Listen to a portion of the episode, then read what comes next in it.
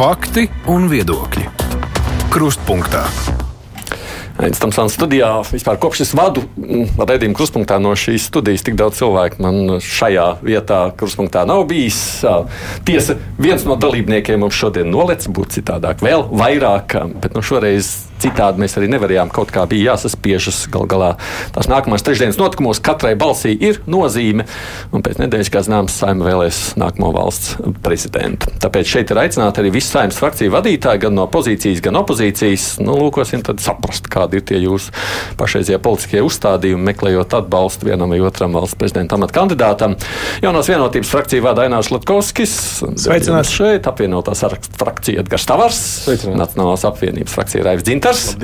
Nu, nu, uz otru pusi skatoties no opozīcijas, Zaļo un Zemnieku savienības frakcijas vadītājs Viktors Valainis. Labdien.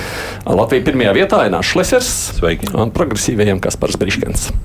Nu, šeit nav no stabilitātei vadītājs Aleksis Rosļikovs. Viņš apmēram pusotru stundu pirms ētera mums atsūtīja ziņu, ka viņš tomēr nepiedalīsies šīs dienas raidījumā. Viņi esot nolēmuši sasaukt šajā laikā saimnes frakcijas sēdi. Nu, var arī saprast, tas, cik saprotams viņiem mūsu raidījums nav tas svarīgākais. Nu, kā zināms, tātad trīs frakcijas izvirzījušas savus prezidenta amata kandidātus, tāpēc piedodiet, sākumā tas jautājums būs tiem pārējiem. Zaļo zemnieku savienība, Nacionālā apvienība ir sacījusi, ka viņi noteikti lēmums pieņemšot vēlēšanu rītā. Latvija pirmajā vietā, kā tad darīs? Mēs esam pieņēmuši lēmumu, ka mēs tiksimies ar Ulu Pīlēnu. Un, ja viņš pārliecinās frakciju ar uh, redzējumu par ekonomisko valsts attīstību, tad mēs balsosim par uh, Ulu Pīlēnu. Mēs neskatām iespēju balsot par Inkēviču vai Pinto. Tā ir mūsu pozīcija. Mēs nepiedalāmies politiskā tirgū, mēs esam skaidri pateikuši, un šis lēmums principā būs uzreiz pēc tikšanās ar Ulu Pīlēnu, tad, kad viņš atnāks uz mūsu frakciju. Kas ir tā mēraukla, pēc kā jūs mērīsiet, nu, kas tie jautājumi, kur jūs gribat dabūt atbildes? Kriterijs ir ārkārtīgi vienkāršs. Visi kandidāti ir nodefinējuši ārpolitiskās prioritātes, drošības prioritātes. Tur ir kā visi vienādi. Bet Latvija šodien atrodas tādā purvā, ekonomiskajā. Attīstība, diemžēl, nav veiksmīga. Katru gadu mēs aizņemamies par apmēram 2 miljardus eiro. Līdz ar to ir ārkārtīgi svarīgi, lai prezidents pirmkārt būtu cilvēks, kuram ir skaidra ekonomiskā vīzija, kuru viņš var arī prasīt no valdības, nominējot jauno premjeru. Uh, Vai, un, protams, ir svarīgas arī vērtības. Mēs uzskatām, ka šajā laikā, mm, kad Latvija izmirst, cilvēki brauc projām, dzimstība iet uz leju, ir svarīgi, lai tomēr arī prezidents skaidri arī simbolizē to, ka viņš saka, stāv un atbalsta tradicionālās dabiskās ģimenes Tātad vērtības. Divas lietas, lai viņš saka, ka viņš neatbalstīja dzīvesbiedru likumu. Jā? Principā mēs esam pret uh, Stambulas konvencijas ratifikāciju. Un arī jā, pret vienzimumu partneru attiecībām. Un ekonomikas jautājumos, ko jūs ekonomikas no jautājumos svarīgi, lai prezidentam ir izpratne. Jo mēs zinām to, ka, piemēram, nu, Levitam viņš ir izpratne. Jā, jo Levitam uh, vispār prioritātes ekonomikā nebija. Viņš neko nesaprata. Viņš varēja labākā gadījumā ar kļūdām nolasīt kādu sagatavotu runu. Prezidents ir tas, kuram ir iespēja tikties ar citu pasaules valstu līderiem, ar, ar lielu uzņēmumu pārstāvjiem. Mums ir vajadzīgs prezidents, kas var piesaistīt Latviju investīcijas un kurš var veicināt Latvijas preču eksportu uz citām pasaules valstīm. Bet, jā. bet tad ir vispārīgi jautājumi. Jūs gribat dzirdēt, ka viņam ir jā, vīzija. Nu, ka viņam ir šī okay. vīzija. Es teiktu, tā pa 99%. Šodien man ir pārliecība, ka mēs balsosim par Ulu Pīlānu. Okay. Zaļo zemnieku savienība saka, ka viņi lems tikai tajā nākošās trešdienas rītā. Tā, tāds tas jūs teiktais arī šorīt Latvijas raidījā bija. Es gribu tomēr saprast, kas tad ir tās jūr, jūsu mērauklis. Nu, Šlesner kungs nosauca savus mērauklis. Nu, mums uh, atšķirība no Šlesner kunga būtu tā, ka mums ar vīziju būs stipri par maz. Uh, mēs tomēr uh, gribētu redzēt, uh, kā šī vīzija uh, varētu arī piedzīvot uh, izpildījumu. Un, um, un, Ekonomiskā vīzija. Nu, ne tikai ekonomiskā, no visiem prezidenta kandidātiem mēs arī, mēs, kad aicinām prezidenta amata kandidātus, mēs neaicinām tikai pašu prezidenta amata kandidātu, mēs arī aicinām tos, kas viņu virza. Un, piemēram, Pīlāna gadījumā mēs tikāmies ar saimnes priekšsēdētāju un apvienotās sarakstu frakcijas vadītāju, jo ir svarīgi saprast ne tikai šīs vīzijas. Vīzijas visiem kandidātiem ir labas, bet saprotiet, kur ir paša, nu, piemēram, Megija Levita. Nu, viena no lielākajām problēmām, kad cilvēks nāk ar tādām lielām expectācijām, un pēc tam sabiedrība piedzīvo vilšanos, jo viņam nav viņa spēkos tās lietas izpildīt, pa kurām viņš ir runājis un pa kurām viņš ir iestājies. Bet, nu, un, tā, un skatoties tas... uzreiz tajās visās sadaļās, nu, ir kaut kādas lietas, kurās jūs kaut ko gaidāt, un kaut kādas lietas, kurās jūs negaidāt no prezidenta. Droši vien jūs negaidāt no viņa visu. Ne, nu, protams, protams, bet nu, nav mazsvarīgs jautājums par to, kādā veidā prezidents tās lietas, par kurām viņš runā, kā viņš tiešām viņas varētu arī īstenot. Un šobrīd notiek politiskās konsultācijas gan Um, frakcijas līmenī tiekoties, gan arī iepriekš ar um, individuālās sarunās. Uh, tas nav noslēpums. Mums tādas sarunas notiekās pilnīgi ar visiem kandidātiem. Un, uh, mēs mēģinām uh, saprast, un tas būs ļoti nopietns vērtējums līdz 31. maijam, lai tas tiktu tiešām arī izpildīts. Drīkstāt jo... uzreiz jaukties iekšā. Tātad, nu, viena no vīzijām mēs sakām, tad stiprināsim tur NATO, tad iestāsimies jā, cīņā, atbalstīsim Ukrainu. Ko jūs tur gribat dabūt no Rinkēviča vēl vairāk? Nu, saprotiet, ir drošības jautājumi. Tā ir tikai viena, viena sadaļa. Neapšaubām Zaļo zemnieku savienībai tā ir ļoti svarīga sadaļa. No. Nu. Un, tas nav maz svarīgi, lai šajā jautājumā arī būtu skaidra pozīcija. Nu, šobrīd viss liecina par to, ka pilnīgi visiem kandidātiem un šeit visām frakcijām, kas šobrīd šeit atrodas, tā vīzija sakrīt šajā jautājumā. Tātad. Bet, nu, protams, ir virkni citu jautājumu. Nu, nu, piemēram, nu, piemēram nu, Pīlēna kunga vīzija par ekonomisko attīstību. Ja? Nu, mums vēl joprojām mēs gribam redzēt nu, kaut ko daudz konkrētāku, īpaši, ko mēs arī atklāšu arī frakcijas sēdē runājām, mēs arī īpaši uzsvērām, ka godātie kolēģi, jūs esat valdībā, jūs neesat cilvēki no ielas. To varētu akcentēt kādam citam. Bet, ja cilvēks, kas ir valdībā jau pusgadu balsojis par valdību, par budžetu un aktīvi piedalījies deklarācijas izstrādē, šobrīd vada nozīmīgu daļu ministriju, atslēgas ministriju ekonomiskās attīstības jautājumiem, reģionālās attīstības jautājumiem, ir jādod pārliecība par to, kas tad būs tās lietas, kas viņu šobrīd neapmierina, un kas būs tas, kas mainīsies tajā brīdī, kad viņš kļūs par prezidentu. Jā, jo okay. mēs neesam, es, es gribu šeit svarīgi pateikt, mēs neesam tādi, nu tā teikt, uh, mēs neesam pirmo dienu politikā. Mēs zinām, kādas ir prezidenta funkcijas un ko mm. prezidents var un ko prezidents nevar. Mums frakcijā sēž prezidenta kancelēs vadītājs, ilgadējs bijis. Mums, mēs esam vairākus prezidents paši virzījuši no mūsu vidus. Ko jūs, ja tādā gadījumā, ko jūs gribētu, lai prezidents dara ekonomikas jautājumos? Nu, redziet, nu, nē, jautājums ir cits jautājums, kā saskan šīs prezidenta idejas ar reālām iespējām pēc tam kaut ko īstenot. Jo, ja tas nebūs, tad ne tikai Zaļo zemnieku savienība, NRŠ Lesers, visi pēc kārtas piedzīvos lielu vilšanos. Visa sabiedrība piedzīvos lielu vilšanos, jo šobrīd arī jūsu raidījumos, sabiedriskos mēdījos, privātos kanālos tie prezidenti staigā un kaut ko stāsta. Ja drīkst uzreiz svarīgs, tas nozīmē, ka jūs saklausāt tajā viņa stāstajā, stāstītajā to, ka viņi runā par lietām, kas īstenībā nav īsti prezidenta lietas. Nē, mēs gribam no viņiem saredzēt skaidru redzējumu par to, kā tās lietas, kuras viņi runā, kā viņi taisās viņas reāli arī īstenot. Tā nav vienkārši priekšvēlēšana kampaņa, kura šobrīd notiekās. Mēs tomēr esam politiķi un diezgan skaidri zinām, ko mm. prezidents var, ko nevar. Un ja viņš mūs rausta vienkārši kā muļķīšus, iedomājas, ka mēs kaut ko uzķersimies kaut kādiem lētiem jokiem, tā tas nenotiksies. Okay. Mūsu ieskatā būs lieta daudz aizaus. nopietnāk jā, jā, jāpaskaidro, kāpēc uh, Zaļo zemnieku savienībai par to balsot. Mēs vēl negribam sabiedrības vilšanos. Vēl viens jautājums pirms es dodu pārējiem, jo man te ir vēl būt arī kaut kas precizēts precizējums, bet tomēr jums šie vērtību jautājumi, ko pieminēja Šlesnerkungs, arī ir aktuāli? Nu, šobrīd uh, tie ir citas kategorijas jautājumi. Ja mēs paņemsim šādus jautājumus, tad mēs. Tas, tas nav saistāms ar prezidenta amatu. Tas nav saistāms ar prezidenta amatu skaidrs. Runājot par Nacionālo apvienību savukārt, kas tad ir tie jūsu nu, mērīšanas kritēriji? Tas ir mūsu mērauklis. Es gribētu sākt ar to, ko Valaņkungs beidz mūsu skatījumā vērtības ne tikai ir būtisks, bet tas ir viens no būtiskākajiem mm. mērinstrumentiem. Ja. Tā kā pirmais, ko mēs nosaukt, noteikti ir šī. Uh, potenciālā prezidenta, prezidenta kandidāta atbilstība, viņa vērtību sistēmas atbilstība Nacionālās apvienības programmai, Nacionālās apvienības vērtībām. Ja? Vai viņš uh, gan sirdī, gan darbos ir par Latvijas Latviju, vai viņš ir par ģimenēm ar bērniem. Tas ir, tas mm. ir un būs ļoti būtisks uh, kritērijs izvēloties jebkuru augstu amatpersonu, tā skaitā prezidentu. Tajā skaitā, ko sacīja Šleserkungs, vai viņš iestājas par ģimenes vērtībām, piemēram, ir pret dzīves biedru likumu. Tā ir skaitā, tā bet ir jāskatās, protams, uz visu Nacionālās apvienības um, programmu un, un, un pamatvērtības. Otra lieta ir, ir personīgās īpašības. Tātad līderis spējas um, nu, potenciālais prezidents kā personība. Jā. Un trešais ir, ko par viņu domā mūsu vēlētāji. Tas ir tas, kas jebkurai partijai, protams, mēs, nevēlam, mēs, mēs neviens nevēlam partijas. Uh, prezidentu, bet tāpat laikā mēs katrs pārstāvam savu vēlētāju daļu, un mums ir jāspēj ieklausīties, ko par konkrēto kandidātu domā tie, kas mums ir uzticējuši un devuši iespēju pārstāvēt. Kā apmaināsieties ar ļaudīm ielās vai kā?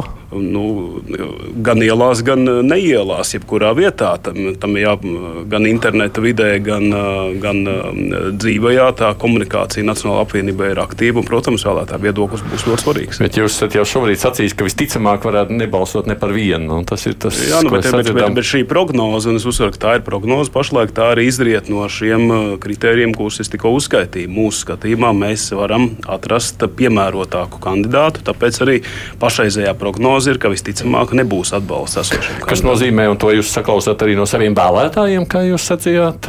Jā, protams, tas Jā. lielā mērā ir, ir atbilstoši šim kritērijam. Ah, okay. Ja drīkstāt pāriem trim, kuriem, kas esat izvirzījuši savus kandidātus kā partijas, dzirdot to, ko saka šie trīs, jo nu, pašlaik es gribētu drīzāk, ka jūs reflektējat uz to. Ko jūs varat atbildēt, jā vai nē, un kāpēc tomēr par jūsuprāt varētu būt, ka balss var nosvērt vienā vai otrā pusē? Es am Briškana kungs sākšu, tāpēc lai opozīcija. Jā, paldies. Mēs, mēs redzam, ka ir ļoti saskanīgas Šlesera kunga un Zintara kunga tēzes nu, attiecībā uz, uz vērtību orientāciju, bet manuprāt, viss, kas attiecās uz demogrāfijas kontekstu, nu šeit satur tādu zināmu viltus dilemmu.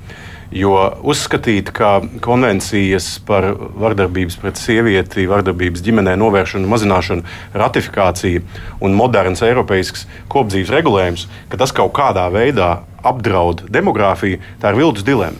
Mūsu kandidāti, kurai ir ļoti plaša pieredze diasporas jautājumos, ļoti labi zina, ka viens no jautājumiem, kas ir aktuāls tad, kad, piemēram, mūsu jaunieši, kas studē ārzemēs, izvēlās, vai viņi brauc atpakaļ uz Latviju, strādāt, veidot ģimenes, radīt bērnus. Viens no šiem aspektiem ir, vai Latvijā veidojās droša, iekļaujoša sabiedrība. Šie cilvēki ir studējuši Ziemeļvalstīs. Vai jūs sakāt, ka līdz ar to no šī skatoties, jums tas vērtību jautājums tieši uz prezidenta amata kandidātu ir ļoti svarīgs? Viņš noteikti ir svarīgs, tāpēc ka mēs uzskatām, ka tā ir arī viena no atslēgām, arī, lai Latvijā būtu labāka demogrāfija. Lai cilvēki varētu justies droši, radīt bērnus apstākļos, kur sabiedrībā nepravalē vardarbība bērnu jauniešu sportā, skolās Uh, ceļu satiksmē. Šie ir tie jautājumi, ar ko prezidentam būtu jāstrādā, jāuzņemās līderība, nevis uh, šie jautājumi jāideoloģizē. Un tāpēc mūsu dabas jautājumi? Jā, viennozīmīgi. Es uzskatu, ka Pilēna kungs pilnīgi noteikti nav uh, vienīgais, kurš runā par ekonomikas jautājumiem. Arī Pinto kundze kā vienu no savām trīs galvenajiem akcentiem līdztekus drošības jautājumiem, kas prevalē, par to mēs esam viensprāts, jautājumiem, kas saistīti ar jauniešu politiku, izvirza šo ilgspējīgās ekonomiskās attīstības motīvu, kur mēs runājam par modernu industriālo politiku, kas izvirza prioritātes, tā skaitā investīcijas nākotnes tehnoloģijās, tādās tehnoloģijās kā koksnes izmantošana būvniecībā, energo pārēja, kas pat par sevi ir iespēja attīstīt jaunas darba vietas, tā skaitā vēja turbīnu komponentu ražošanā. Tie arī visi prezidenta jautājumi. Tie noteikti prezidenta jautājumi. Mēs uzskatām, ka arī pēdējās prezidentūrās uh, prezidenta akcents uz šiem ekonomiskās attīstības jautājumiem nav bijis pietiekams, mm. īpaši pēdējās prezidentūras okay. laikā. Latvijas kungs, kas ir tie jūsu, savuprāt, argumenti, jeb akcenti, kāpēc tieši pat Keviča kungu un ne pat citu? Tiem, arī uzklausot kolēģis, loģiski. Raivins Intram kolēģim jau bija taisnība. Katrs skatās caur so savu vēlētāju, atbalstītāju prizmu uz iespējamo atbalstu kādam no kandidātiem. Tad ir svarīgi, kurā politiskā niša tiek ieņemta un, un cik šauri tad skatās uz katru konkrēto kandidātu. Mūsu piedāvājums ir plašāks iespējas, mūsu piedāvājums ir, ir zināms pieredzējis cilvēks, kura katrs lēmums pēdējos 20 gadus ir bijis publiski redzams.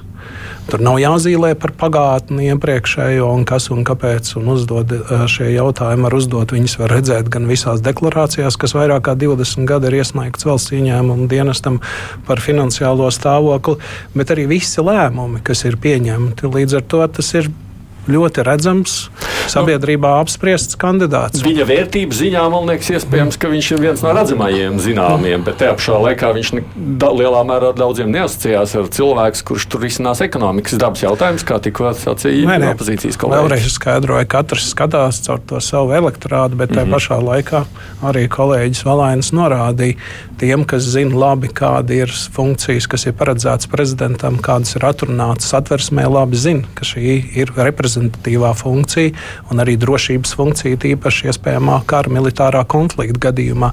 Un tas ir tas uzsvars, ko mēs arī piedāvājam. Šis ir drošības jautājums. Jūs sakāt, ka prezidentam no viņa gaidīt ekonomisko dabas risināšanu, tas ir, nu, tas vairāk ir premjera jautājums kaut kā tādu. Ir viena lieta, kas iet kopā ar šīm reprezentatīvajām no. funkcijām. Ja tu esi veiksmīgs prezidents starptautiskajā līmenī, tev ir šī iespēja strādājot kopā ar valsti, ar izpildu var piesaistīt investīcijas. Tu veido šo uzticību ar citas valsts politiķiem, kam ir noteicoša loma arī investīcijās tādā valstī, kas robežojas pašlaik ar agresoru valsti, jeb Krieviju un uzticību tam.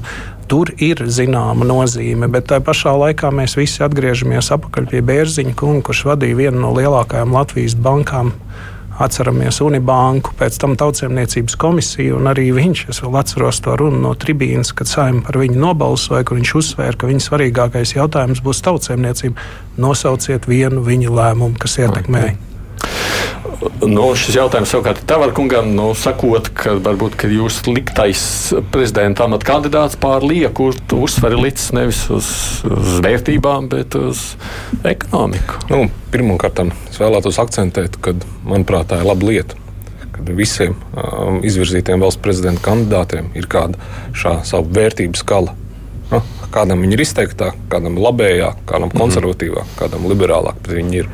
Un, manuprāt, prezidents, kam ir zināmas vērtības, un viņš šīs vērtības tur augstāk godā, tā ir ļoti cienījama īpašība. Punkts viens. Punkts divi. Valsts prezidentam jā, ir šī viena no lomām, ka viņš arī reprezentē mūsu valsti. Tā skaitā starptautiski. Bet paturēsim prātā, ka valsts prezidents zvēras, tas ir Latvijas Republikas satversmes 40. pants, kur viņš skaidri konkrēti zvēra darīt visu, lai veicinātu mūsu tautas un valsts labklājību. Un cits starp arī būt taisnīgs pret visiem. Arī tiem, kam iespējams šis vērtību vektors ir nedaudz savādāks par mūsu pilsoņiem, par mūsu tautu. Un, ja mēs runājam konkrēti par Pīlānu kungu, tad mēs ļoti novērtējam Pīlānu kungu gan vīziju, gan arī redzējumu, kas ir un kādi darbi ir nepieciešami kāds šis kompleksais risinājums, lai mūsu valsts kopējā labklājība attīstītos. Pilnīgi skaidri turot mūsu rietumu vērtību kursu, apvienotais saraksts ar Pīlānu kungu vadībā, faktiski pēc šīm Krievijas izraisītajām šausmām Ukrainā, mēs apvienojāmies un, un, un sākām šo darbu. Un saglabājot mūsu ārpolitisko kursu, nemainīgu, viņu stiprinot, mums ir ļoti svarīgi šobrīd celt mūsu valsts kopējo labklājību. Jo mēs daudz esam diskutējuši dažādos raidījumos. Mums resursi pietrūkst veselības aprūpē, mums resursi pietrūkst pedagogiem, mums resursi pietrūkst infrastruktūrai.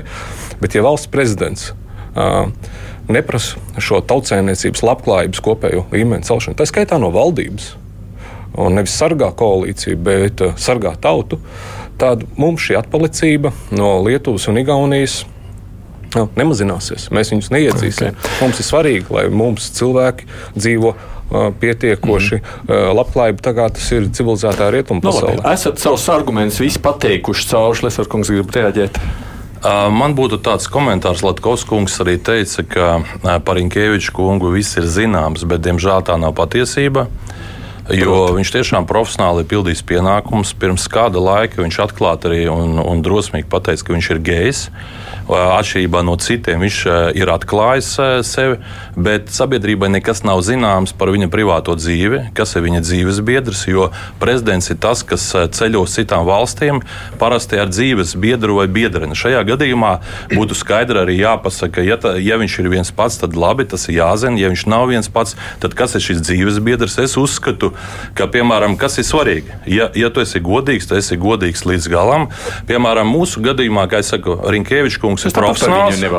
Bet, ši, nē, piedodiet, te iet runa nevis par mani personīgi, bet par vēlētājiem, jo prezidents tas ir simbols. Un es uzskatu, ka, piemēram, kāpēc mēs nebalsosim, lai gan es viņu augstu vērtēju kā profesionālu ārlietu ministru, piemēram, tad, kad ir ievēlēts prezidents, piemēram, bērna vecākiem saka, kas ir mūsu prezidenta sieva. Nā, un tajā brīdī rodas jautājums, un, un mēs nevaram pat atbildēt. Un es uzskatu, ka uh, tomēr ejot uh, par prezidentu, par viņu jāzina praktiski viss. Gribētu reaģēt. Jā, es gribēju pajautāt Šlesner kungam, bērniem mācīt skolā par vienu no Latvijas prezidentiem Ulmanu, kas bija viņas sieva. Labi, pie šī arī paliekam pagaidām. Skatoties tā, tajā visā sadaļā, Dzintarkungam jautājums ir, nu, galu galā tajā brīdī, kad nu, kaut kāds nu, lēmums ir jāpieņem, mēs redzam, šajā brīdī tas lēmums ir ar iespējams tālajošām sakām, vienmēr jau rēķina, ko tas nozīmē arī politikā tālāk nu, tās bažas, kas ir parādījušās publiskajā telpā, sakot, ka šī jūsu nostāja nebalsojot ne par vienu ne, neatbalstot kādu no koalīcijas partneriem, ka var palikt paši bez koalīcijas. Cik jūs tālu ilgtermiņā šo rēķināt, ja pieņemot vienu vai otru lēmumu? Cik jums tas ir svarīgs vispār? Nu, ja kāds uh, no koalīcijas partneriem hipotētiski mums uh, noliks šādu jautājumu, ka vai nu jūs atbalstat mūsu kandidātu vai rīt nebūsiet valdībā, mēs uzskatām, ka tā valdība jau ir beigusies ar to mirkli.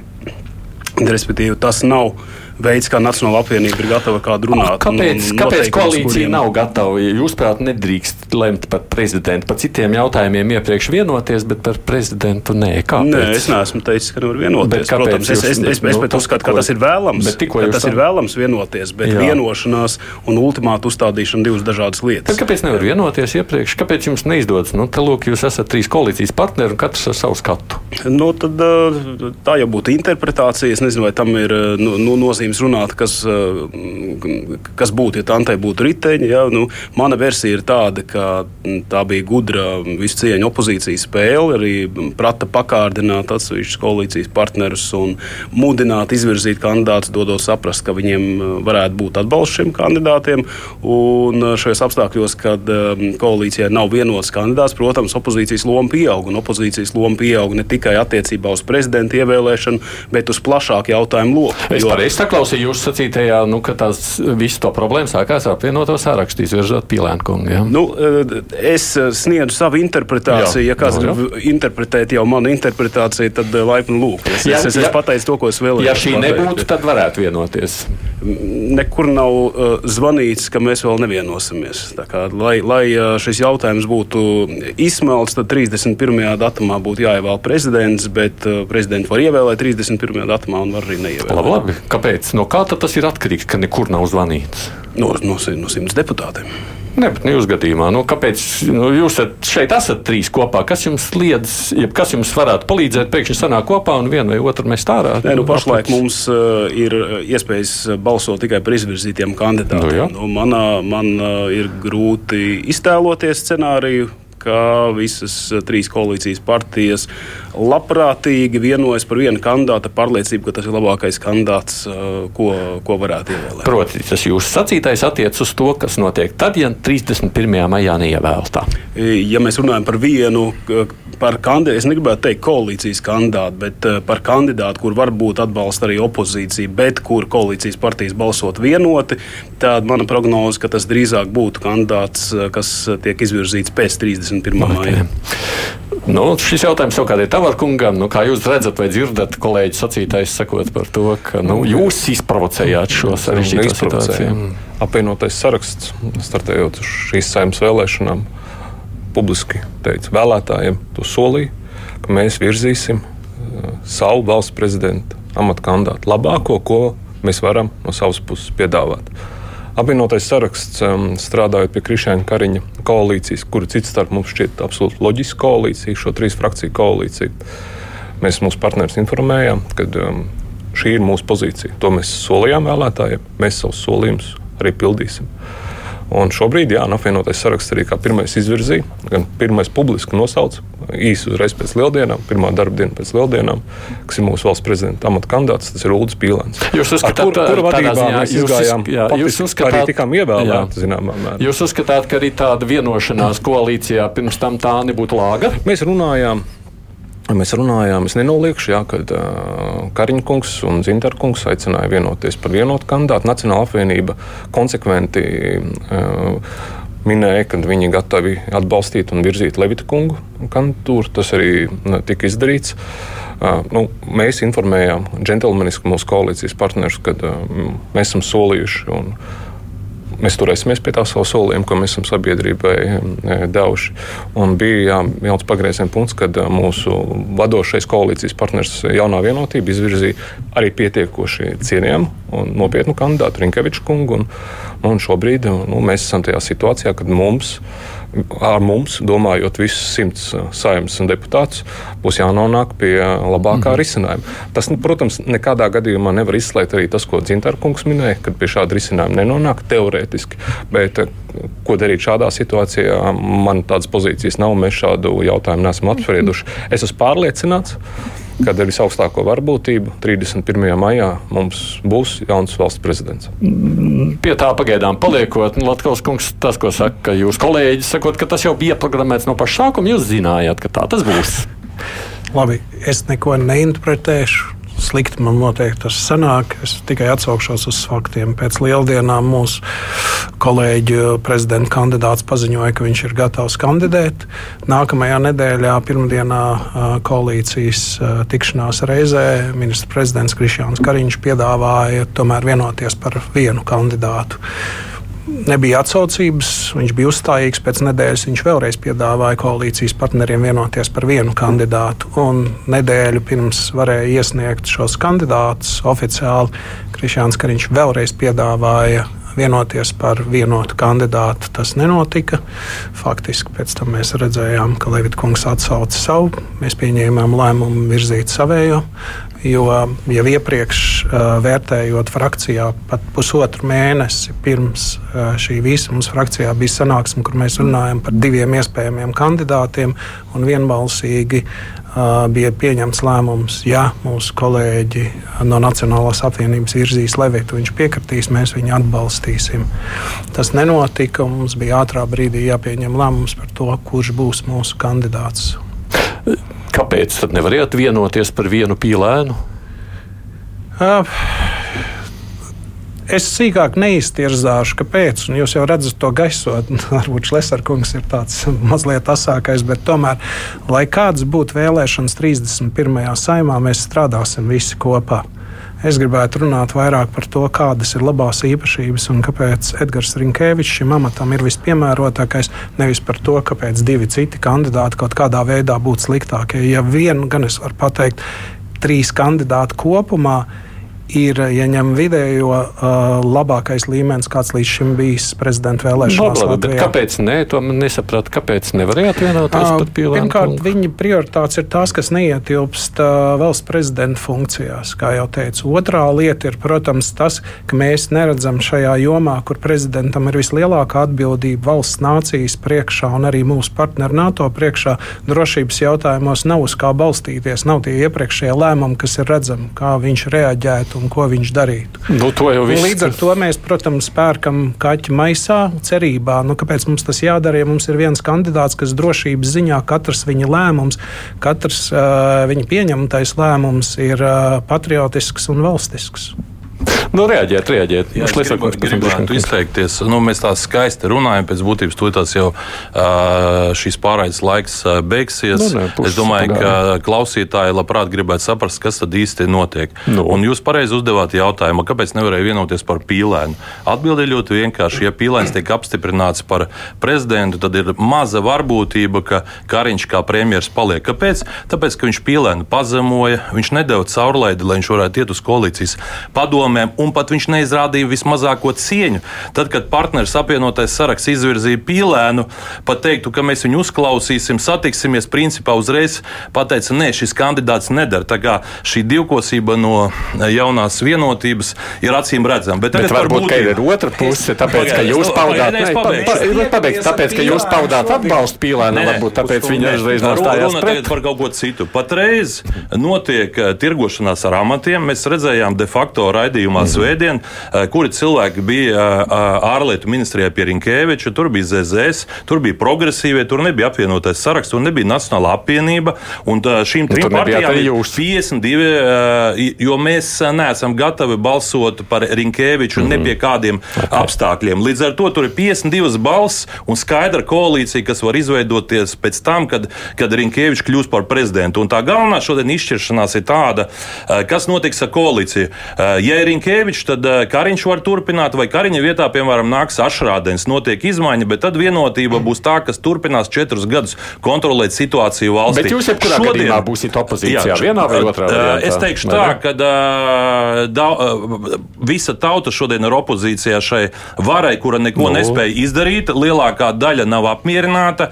Un es teikšu tā, ka būtu ļoti svarīgi, lai, lai pēc prezidenta vēlēšanām Latvijā izveidotos profesionāļu valdība. Jo, ja gadījumā prezidentu ieliek, lai Kariņš varētu turpināt gulēt, neko nedarīt, nereformēt izglītību, veselību, no, tā ir tā tālāk. Tā, kā, tā ir, bet es, es teikšu tā, ka man ir pārliecība, ka 31. datumā būs prezidents vai, vai nu Rinkēvičs vai, vai nu uh, Pīlēns. Jā. Abi, abi varianti ir 50 jā. uz 50 okay. šodien. Riškankungs. Uh, jā, klausoties uh, kolēģis no koalīcijas, es, protams, neesmu politisko partiju attiecību psihoterapeits, bet ir nu, acīm redzams, ka šī koalīcija, šī ģimene ir disfunkcionāla.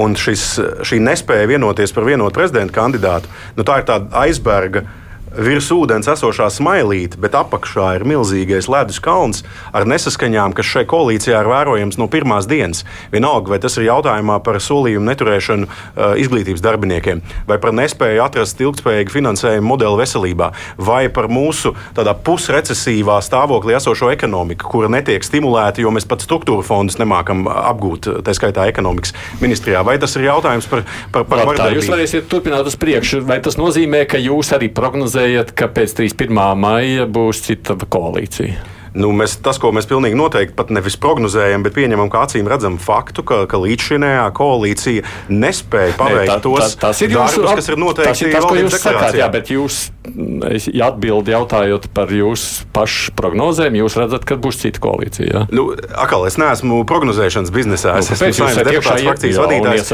Tas, ko es varu procesā. prognozēt, ir, ka ja šādā veidā uh, koalīcija turpinās darboties, tad visi tie svarīgie uzstādījumi, kas valstī šajā ģeopolitiskajā situācijā ir svarīgi, netiks realizēti realizēta. Cikot, vai nu viņi vienosies par kopēju prezidentu, vai nebūs koalīcija tā. Ja? Nu, to lai zīmē nu, pati no, koalīcija. Es vēlreiz akcentēju, ka šī koalīcija šajā pašreizējā modelī, kā mēs jau to teicām, septembrī, kā mēs to teicām oktobrī, novembrī, ka mēs piedāvājam arī progresīvos, kā zinām, tādu katalizatoru elementu, kas pienestu šīs tomēr drosmīgākās idejas, kas varētu kalpot kā zināms līdzsvarojošs elements. Mēs jau teicām, ka šī trīs kāju taburete, mm. viņa apkritīs sāniski. Un šis ir tas jautājums, kurā mēs to redzam. Balēņkungs, jūs prāt, arī jūtas ārā koalīcija pēc vēlēšanām? Nu, tas ir šo trīs kungu jautājums. Nu, trīs koalīcijas partneri viņi šobrīd stāv kopā, kopā tiekās, organizējās uz valdības sēdēm.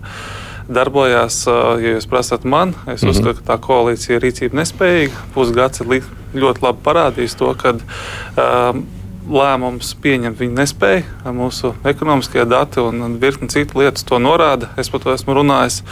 Un jūs būtu gatavs darboties, ja būtu jauna koalīcija? Nemaz vienreiz es esmu par to teicis, un es varu atkārtot vēlreiz un vēlreiz. ZZS nonākšana valdībā nav nekāds pašmērķis. Mūsu mērķi ir skaidri uzrakstīt mūsu partijas programmā, un mūsu cilvēki zina, kā mēs darbojamies pašvaldībās, nacionālā līmenī. Mūsu ieskatā valdībai jābūt nevis tāda, kur ir sevi paslēpusi aiz necaursitamiem mūriem un pēc tam dara, ko grib ar pilnīgi bezatbildību ministri darbojās, vāji ministri darbojās, bet valdībā jāstrādā labākajiem un valdībai jābūt rīcības spējīgai. Ja, Nu, mēs valdībā, ja mēs ejam valdībā, tad uh, mums jābūt pārliecībai par to, ka visa tā komanda ir rīcības spējīga, mēs arī uzņemamies atbildību ne tikai par sevi, bet arī par citiem. Nu, nu, tas ir normāli, Līdz ar to, bet tie ir šajā gadījumā nesaistīti jautājumi. Te tikai šajā brīdī um, parādās tas, ka uh, no šī koalīcija acīm redzot ir uh, nu, ļoti, ļoti vāja. Bet tagad pasakiet, jūs kā cilvēks, kurš esat ilgs gadus tomēr politikā iekšā, prezidenta vēlēšanas un valdības koalīcijas un darbs ir nesaistīti jautājumi? Nu, mēs šos jautājumus nesaistām. Mēs tomēr Bet prim- realitātē? mēs primāri skatāmies uz prezidenta, prezidenta kandidātiem, un mēs pēc tam skatāmies uz to, kā šīs prezidentu kandidātu idejas realitātē varētu tikt izpildītas. Bet realitātē kā ir? Bet mēs valdību šos jautājumus nesaistām. Nu, labi. es tikai atgādināšu, šeit mums ir sešu frakciju vadītāji, lai, lai klausītāji, kas vēlāk ieslēdz, zina, Kārs Valēns pārstāv Zaļo zemnieku savienību, kas var Briškans progresīvos Aināšu Lesāšu Latviju pirmajā vietā, no jaunās vienotības Aināšu Latkovskis, Edgars Stāvārs apvienoto sarakstu, nāc no apvienība Raivs Dzintars. Raidījums Krustpunktā. Vēl ko piebilst? Jā, es gribēju piebilst visas šīs nu, par šīm baumām, un man patstāvīgi no rīta līdz vakaram šobrīd jākomentē visi šie uh, iespējamie scenāriji. Es teiktu, ka mēs ne pusi no iespējamiem scenārijiem neesam publiski nemaz apsprieduši.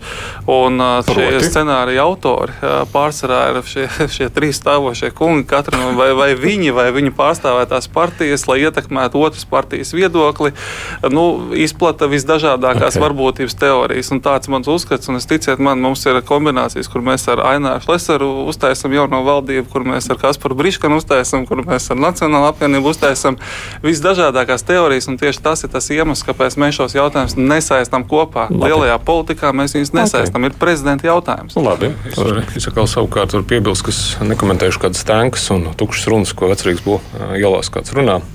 Ā, Apvienotais saraksts ā, no pirmās dienas ir publiski aicinājis visas saimnes frakcijas, arī mūsu kolēģis no, no koalīcijas, kad mēs šo jautājumu nesaistam ko, valdības stabilitāti ar valsts prezidenta ievēlēšanu. Nu, to jau viss mēs aicinām godīgi sacensību. mēs Un tas, redzam ko- pagātnē, un ka tas ko notiek. Mēs arī, mēs arī sakam, mēs neredzam pie dotiem lielumiem kādu citu salikumu šai koalīcijai. Apvienotās Es, sarakstu es gribu pozīciju. nokomentēt. Nu, visi to- grib to, nokomentēt. ā, Saprotiet, to, to, ko saka Tavara kungs. Nu, tā, tie ir meli. Ja? Nu, ko viņš neredz? Svētdien jūs netikāt uh, uzaicināti uz, ne svētdien, bet pagājušajā nedēļā pie Rinkēviča kunga. Ja? Kāpēc jūs netikāt uzaicināti? Tāpēc, ka uh, tiek meklētas balsis Rinkēvičam kā prezidentam. Un skaidrs, ka Rinkēvičs kā prezidents ir uh, piedāvājis kolam ārlietu ministra amatu, uh, skatījies tālāk, ir piedāvāta vēl virkne sakāt dažādiem skaidrs, cilvēkiem. tāpēc, ka, kā jūs to zināt? Jā, nu, redziet, vecrīgā tik daudz tās Runā. runas. Nu, tas, jā, sacīja jā, bet, bet runā sākumā jau tad, kad uzdevu jautājumu, vai tāda tikšanās bija, Brīškana kungs saka, ne, nebija, nepiedalījos, visi saka, nē. Pēc tam, nu, kaut, bet neviens neteica, jā, bija. Bet es gribu pateikt to pašu interesantāko. Šeit stāv ZZS Valēņa kungs. Viņam ir tiešām sanāca 16 balsīm šīs zelta akcijas, bez kurām nevarēs tikt ievēlēts ne Rinkēvičs. Nu. Ne, ne, ne pīlēns vai ne. Tas, kad pīlēns tur nāk un aicina atbalstīt viņu kā prezidentu, saprotama lieta. Bet vienotība, kura iekļāva Lembergu melnā sarakstā, kura, ar kuras palīdzību viņš cietumā nonāca, un kura vienmēr cīnījās pret ideoloģiski pateikusi, ka nekad mūžā tagad viņa lūdzās Aivara Lemberga partijai, nevis Lembergam, bet partijai, lai balso par Inkēviču. Tad jautājums ir tāds - vienotība. Vai tiešām jūs esat gatavi veidot valdību ar Aivara Lemberga partiju, pret kuru jūs cīnījāties ideoloģiski? Papriekš ļausim tomēr Zintarkungam reaģējot uz, uz šīm baumām. Nē, nu man, man šķiet, ka zemeslode sāk pretējā virzienā griezties, ja opozīcija teikt, ka valdības darbs ir labs un profesionāls. tas Un, un, protams, tas ir visos laikos bijis, ka mēs esam labāki, un, un tad, kad mēs ienāksim, tad tā, tad tā valdības kritika beigsies. Ja, un, un mēs gribam būt pie galda, tā kā tur jā, nav nekā jauna, bet ja nopietni runājam par realistiskiem scenārijiem, kā varētu mainīties uh, valdības sastāvs, vai mainīsies, uh, mans viedoklis un redzējums, ka šobrīd ir divi realistiski scenāriji. Viens ir, ka paliek esošais koalīcijas sastāvs ar varbūt kādām kosmētiskām izmaiņām, kādas arī iepriekšējā saimnes laikā ir bijušas, nu, faktiski saglabājoties valdībai. Vai otrs koalīcijas sastāvs ar 52 balsīm, kur kolēģi no vienotības, ja vienotība izšķiras par labu koalīciju ar Zaļo zemnieku savienību un progresīviem. Man šķiet, ka šie abi scenāriji ir realistiski, tāpēc pēc mūsu rīcībā esošās informācijas vienotības kabinetos tie abi tiek apspriesti. Tas, ka ir izdarīta izvēle, neapgalvoju. Nesaku tas, ka tiek apspriesti. Nu, mēs vienkārši to zinām. Ja, nu, līdz, ar, līdz, līdz ar to, kas, vai mēs skatāmies pietiekami relaksēti, mēs esam gatavi abiem scenārijiem, bet to, kurš scenārijs būs, to izšķirsies vienotība. Ja drīkst tagad, tomēr, kamēr esat pie mikrofona šobrīd, nu, jūs lemsiet ceturtdienas rītā par savu balsojumu. Tajā brīdī, kad jūs lemsiet, tas būs, nu, pieņemsim, balsojums, nu, pirmais, ir trīs kandidāti. Kā jūs zināt, tajā pašā dienā paliek kaut kādi divi kandidāti, tajā pašā dienā paliek viens kandidāts, kādā brīdī iespējams. Un tur iespējams arī ir jābalso vairāk kārt tas lēmums, ko jūs pieņemsiet no rīta, būs galīgs uz visu dienu, vai jūs tur vēlreiz domājat skriet kopā un darīt, nu, tā kā paliek pieņemsim viens kandidāts? Vai es saprotu, jūsu lēmumu? Es saprotu, ka būdams frakcijas priekšsēdētājs, jebkura prognoze vai pieņēmums, ko es uh, pasaku, tas tam ir uzreiz lielāks svars nekā to pateikt tik viens cits uh, mūsu frakcijas deputāts. Līdz ar to es negribētu pēc izslēgšanas metodu šobrīd sašaurināt iespēju loku. Mēs esam -hmm. teikuši, ka mēs lemsim 31. maijā. Tas ietver visu dienu, un šajā, šīs dienas laikā mēs arī, arī pieņemsim lēmumus. Mainīt kopīgi, kopīgi, no situācijas. Frakcija pieņems lēmumu, bet to, kāds būs ticamākais mūsu balsojums, es gan Citkārt, publiski gan šeit arī esam paudis, ka mēs neatbalstīsim nevienu no esošiem kandidātiem. Es domāju, ka katrs Jā. no mums šeit zālē esošajiem saprot, ka šādus lēmumus nepieņem pēdējā dienā. Ir vesela virkne frakcijas sanāksme, kur jebkura frakcija plāno savu stratēģiju. Un, un, un es domāju, ka mēs ļoti labi saprotam, ka, tā, ka tas neatbilst patiesībai, ka jebkurš no mums, jebkura no mūsu frakcijām tik svarīgus lēmumus pieņem pašā pēdējā brīdī. Tas ir pat savā ziņā bezatbildīgi, ja tāda procesa notiek. Tāpēc es tādu runāju savas frakcijas vārdā. Jo, protams, ka mēs mēs diskutējam un modelējam esošo situāciju ļoti, ļoti atbildīgi. Ja? Un, un, protams, ka arī šobrīd mēs aptaujājam biedrus un veidojam prognozes par to, kāds varētu izskatīties. Bet ik viens mūsu frakcijas kolēģis apliecinās, ka lēmums par to lēmums ir spēkā tajā brīdī, kad ir frakcijas balsojums. Un šis lēmums tiks pieņemts tikai 31. datumā. Nu, reiz ierunājāties par to, tad paši arī turpiniet. Piedodiet, realitāte rāda to, ka visticamāk pēc pirmā balsojuma jūsu kandidāti atkritīs. Nu, es tā saku, tā kā es to redzu redz, kā reālā situācijā. Un jums būs jālemj par to, kuram no diviem dot uh, priekšroku vai nedot nevienam. Es saprotu, ka jūs jau šo lēmumu pieņemsiet iekrāk, kā jūs tikko sacījāt. Nu, tad kāds uh, būs tālākais? Nu, ziņā es, es nepiekrītu tai sākotnējai premisei. Jā. Es uzskatu, ka šobrīd, uh, ņemot vērā, ka nevienam kandidātam nav garantēta 51 balss, to jūs dzirdat nu, arī šeit, nav, nav. visiem kandidātiem ir vienlīdzīgas iespējas. Tāpēc mēs, piemēram, šodien tiekamies jaunās vienotības ar ZZS frakciju kopā ar mūsu kandidātu Elīnu Pinto cāļu skaita rudenī, 31. Maijā. Tas nozīmē, ka pirmajā balsojumā. Nu, labi, kas nozīmē, ka pēc pirmā balsojuma, piedodiet, tagad es nozīmēju tajā brīdī, kad Pinto kundze izkrīt ārā, tad jūs nākat un lemjat. Ja šāds scenārijs piepildās, un es kā frakcijas vadītājs šobrīd daru visu, lai šāds scenārijs nepiepildītos, tad, protams, mums ir scenārija analīze, kur mēs rīkosimies atbilstoši tai situācijai. Te es piekrītu. Bet attiecībā uz pirmo balsojumu es neticu apgalvojumam, okay. ka jebkura no frakcijām nelems līdz 31. maijam par to, kā viņi balsos pir pirmajā nu, balsojumā. Var arī no rīta lemt, kāpēc ne 31. maija rītā var lemt. Tas nav nekas dīvains. Runājot savukārt par to tālāko skatoties, un kas tad būs tie jūsu argumenti, tad, uh, nu, ja jums būs jāizšķir starp citiem prezidenta kandidātiem, kas svarīgākais - vērtības, ekonomika, nu, kur jūs redzat savu to uzsvaru? Ne, no, nu, pirmkārt, tas nebūs korekti pret mūsu virzīto kandidāti, Tagad. kurai ir nedalāms Jā. mūsu frakcijas atbalsts un kur mēs meklējam citu frakciju atbalstu, mm -hmm. modelēt scenārijus, kurā šis kandidāts vairs, vairs, vairs nepiedalās sacensībās. Atkal saka, es uztveru, ka visiem kandidātiem ir vienlīdzīgas iespējas. Uh, Mēs esam to postulējuši jau vairāk mēnešu garumā. Mēs, mm. po, mēs publicējām šos piecus mūsu kritērijus, saskaņā ar kuriem mēs arī uzrunājām mūsu prezidenta kandidāti, ar kuru mēs vērtītu jebkuru kandidātu, pat ja mums nebūtu savu prezidenta kandidātu. Viss, kas attiecās uz, uz reputāciju, uz tiesiskumu jautājumiem, uz izpratni par ilgspējīgu ekonomikas attīstību, sociālās nevienlīdzības mazināšanas jautājumiem un, protams, uz drošības, ārpolitikas atbalstu Ukrainai uh, un vispārējo teiksim, šo ģeopolitiskās uh, kursa nemainības bloku. Mēs esam pilnīgi vienoti viennozīmīgi attiecībā uz to, kā mēs vērtētu jebkuru cilvēku. Bet šobrīd mums ir savs kandidāts, kas perfekti atbilst šiem kritērijiem. Mēs piedalāmies šajā cīņā. Piedodiet, Šleserkungs, jūs esat pateicis, ka jūs balsosiet tikai par vienu no variantiem, pāriem nē, tāpēc jautājums ir šobrīd citiem.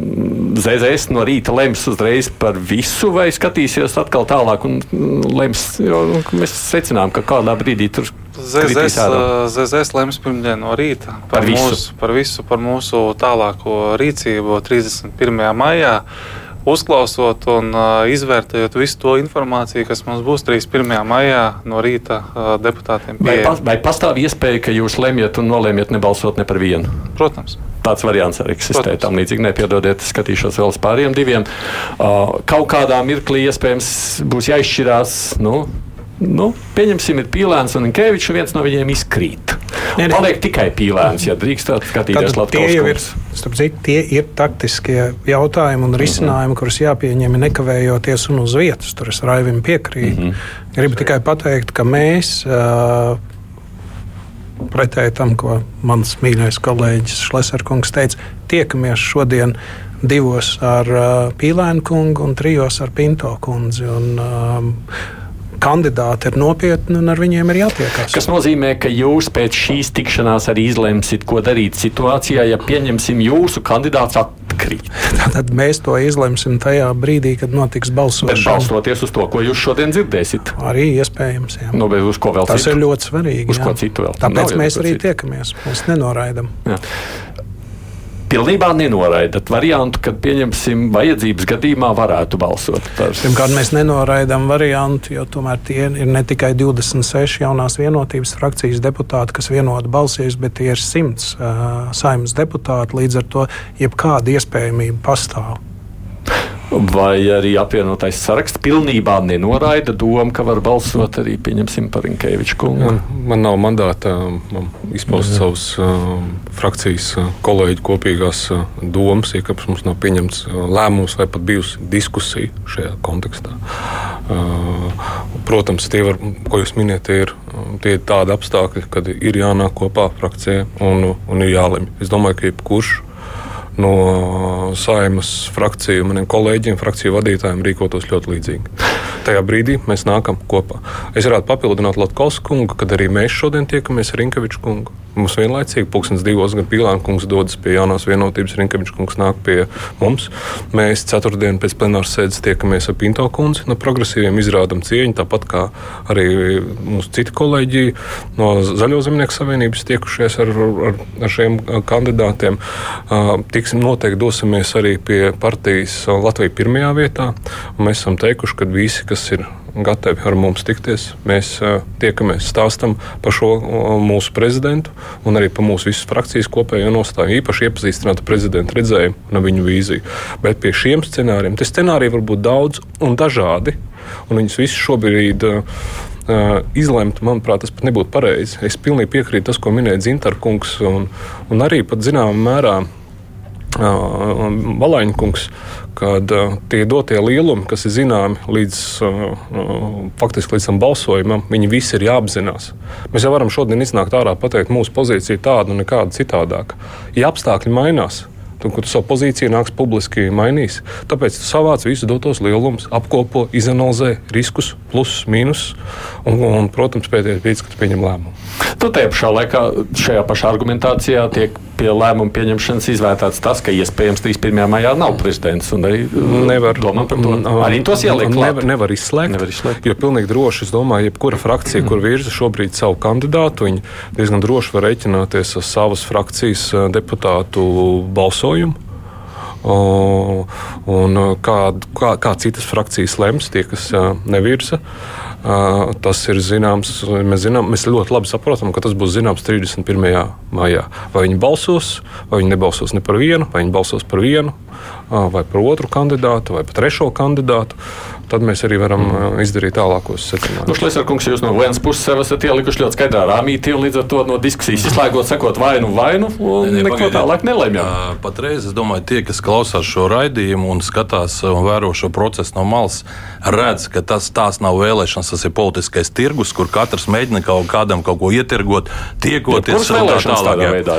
Jā, un tieši tāpēc mēs esam iesnieguši priekšlikumu, un ceturtdien saimai būs vēlreiz iespēja lemt par tautas vēlētu prezidentu. Protams, uz, šīm, uz šo, šīm vēlēšanām tas ietekmi neatstās, bet nākamajās vēlēšanās es domāju, ka tautai būtu jādod tiesības pašai lemt, lai, lai izbeigtu šādas tirgošanās. Kas attiecās par lietas būtību, nu, piemēram, par Levita kungu. Viņu neatbalstīja pēc aptaujām 85%, bet tāpat tās viņu virza, it kā viņš ir tas populārais. Ja? SKDS reitingi tādi bija, ka viņu atbalsta 15, neatbalsta 85. Tas nozīmē to, ka daudziem cilvēkiem tas viss nav atbalstāms. Un es teikšu tā, ka laikā, kamēr te notiek tirzniecība par to, kurš par ko balsos, mēs 27. datumā, pulkstenis trijos sestdien, nu, aicinām cilvēkus, tos, kas ir pret Kariņa realizēto politiku pie brīvības pieminekļa, paust savu attieksmi. Un tā kā atnāks ļoti daudz cilvēku, tad tas arī visciešākā veidā ietekmēs šīs vēlēšanas, jo tautai ir tiesības pulcēties un tādā veidā parādīt savu attieksmi par eh, vienu politisko kandidātu vai, vai, vai par otru. Nu, Šajā gadījumā es esmu pilnīgi pārliecināts, ka cilvēki būs gan aktīvi un pulcēsies lielā apjomā. Redzēsim, Balēņkungs. Jā, es uh, domāju, ka Pīlāns drīz pievienosies Latvijai pirmajā vietā. Tiešām ļoti atbalstoši, bet uh, vairāk nekā uh, apvienotais saraksts cīnās par Pīlānu kungu. Bet uh, es uh, tieši par šo te. Uh, minēto tautas vēlētu prezidentu. Ja. Es uh, gribētu teikt, ka ir citi uh, starposmi, kas, manuprāt, būtu jāizvērtē, lai no šādām situācijām izbēgtu. Tas ir uh, tas, ko mēs iesniedzām, jo saimā, diemžēl, atbalstu nedabūju, bet ceru uz pēc šīm vēlēšanām uz pārējo frakciju atbalstu. Mēs šo jautājumu turpināsim. Tas ir palielināt ievēlējumu kvorumu, lai nav 51 balss, lai 67 balss. Tas piespiestu daudz atklātāk sēsties pilnīgi visām partijām pie galda, noņemt šo koalīcijas opozīcijas stāstu no prezidenta un piespiest vienoties par labāko prezidentu. Un tas, manuprāt, šobrīd ir izšķirīgi, jo šīs process parāda tomēr, ka īsti labi jau nav. Mums ir it kā atklāts balsojums, bet vai mēs esam sasnieguši to mērķi, ko gribējām, manuprāt, nē um, palielinot līdzīgi kā Igaunijā, mēs to sasniegtu. Tā kā, nu, nu, tas, labi, šo mēs arī varam atstāt kā vienu no diskusijas beigām sadaļu. Pabeidzot, man liekas, mums ir tikai palikuši pāris minūtes. Savukārt pieminētais Lemberga stāsts un jautājums par to, vai jūs esat tiešām gatavi runāt un nu, meklēt atbalstu partiju, kur jūs sacījāt, nu, tā kā Lemberga nekad neko. Tas jau nevienotībai. Vēlreiz, jau tagad ministra prezidents Krišāns Kariņš veidojot šo koalīciju, uzlika nosacījumu, kas ir paredzēts šajā koalīcijas līgumā, ka tikai ievēlēts amatpersonas piedalās valsts darbā un koalīcijas sanāksmēs. Un nevis tāpēc, ka būtu kāds naids, kā Šlesera kungs teica pret pīlēnu, bet pīlēna kungs atteicās iziet cauri šim sietam, kas ir saucās saimnes vēlēšanas, bet tie, kas ir izgājuši cauri, ir ievēlēti vai ir nozīmēti šajos amatos, tie arī piedalās un lemj par jautājumiem, kur pēc tam parādās dienas kārtībā valdībai, parlamentam. Tā kā šis siets joprojām strādā. Tā to domu sakot, ja Leberkungs nenāk pie jums uz koalīcijas sēdi, tas pārējais ir maz svarīgi. Pirmkārt, par ko mēs runājam? Mēs pašlaik runājam par prezidenta vēlēšanām, Jā, bet, nu, es... spekulācijas par iespējamu koalīcijas maiņu atstāsim pēc vēlēšanām. Un tas, ja viņa partijas atbalstīti ļaudis balsot par prezidentu, jums nav nekāda iebilduša. Mēs arī meklējam atbalstu pie Šlesera kunga. Bet viņam nav ko piedāvāt. Viņš šajā jautājumā. Pabeidzam pavisam tajā sadaļā. Pavisam īsi. Būs 31. maijā prezidents vai nebūs? Jūs prāt, Atturēšos no prognozes. 50, 50? Atturēšos. Vienkārši nevar pateikt, nav iespējams. Es neredzu tam jēgu šobrīd. Mm, bet arī nevar šobrīd pateikt, ja jūs prāt. Es neredzu jēgu prognozē. Ir, ir, ir tāds nu, teiciens, ka prognoze reizēm piepilda pati sevi. Tad, mēs strādāsim, mēs zinām, kurš scenārijs mums ir vēlamākais. Mēs uzskatām, ka var atrast labāku prezidenta kandidātu. Mēs to strādāsim. Vai izdosies, tas ir no daudz kā atkarīgs. Izdosies tālāk, es, ja tā ir prognoze, tad es domāju, lielāka varbūtība, kad ka jā. 31. Ka būs, mums jā. būs valsts prezidents. Būs, Es esmu pārliecināts, ka uzvarēs vislabākais kandidāts Edgars Rinkevičs. Bet jūs domājat, ka būs 31. Jā. Jūs tā domājat, Briškankungs? Uh, jā, būs. Es ceru, ka tā būs sieviete. Jo Elīna Pinto ir izcila kandidāta. Bet jūs domājat, ka būs? Jā, visticamāk, ka būs. Jā, 31. datumā būs ievēlēts prezidents. Jūs esat pārliecināts Jā. par to, okay, Valēņkungs? Es negribu ierobežot savas izvēles. Nē, es neprasu šo jūs jautājumu. izvēles. Es prasu jūs, kā jums šķiet. Nu, tas ir ierobežot manas izvēles. Es, Es neprasu jūsu izvēles. Es prasu, kā jums šķiet. jo Jūs nemākat kā eksperts pastīties uz lietām. Ne? Nu, šobrīd, nu kā, saprotiet, katra mūsu izvēle, pat uh, es teiktu, ka uh, neievēlēs, tā arī ir izvēle. Es uh, labi, ja jūs nevarat nošķirt šīs lietas, lai tā būtu. Seši frakciju vadītāji atgādina, ka Roslīkovs kungs šeit nevarēja būt studijā, bet jebkurā gadījumā Ainārs Latkovskis no jaunās vienotības, Raivs Zintārs Nacionāla apvienība, Edgars Tavars apvienotais saraksts, Viktors Valēns Zaļo zemnieku savienība, Ainārs Šlesers Latvija pirmajā vietā, progresīvie Kaspars Briškans, paldies jums, ka atnācāt šeit. Runājot vienkārši tā pavisam rīt, tiešām tie potenciālie prezidenta amata kandidāti arī būs šeit studijā. Tātad rīt turpinās šī saruna, jeb temats par šo pašu, tikai jau par viņiem pašiem šeit. Tātad Elīna Pinto, Edgars Linkevičs, Nulles Pīlēns. Pats Evi Jūnām studijā Aits Tomsons.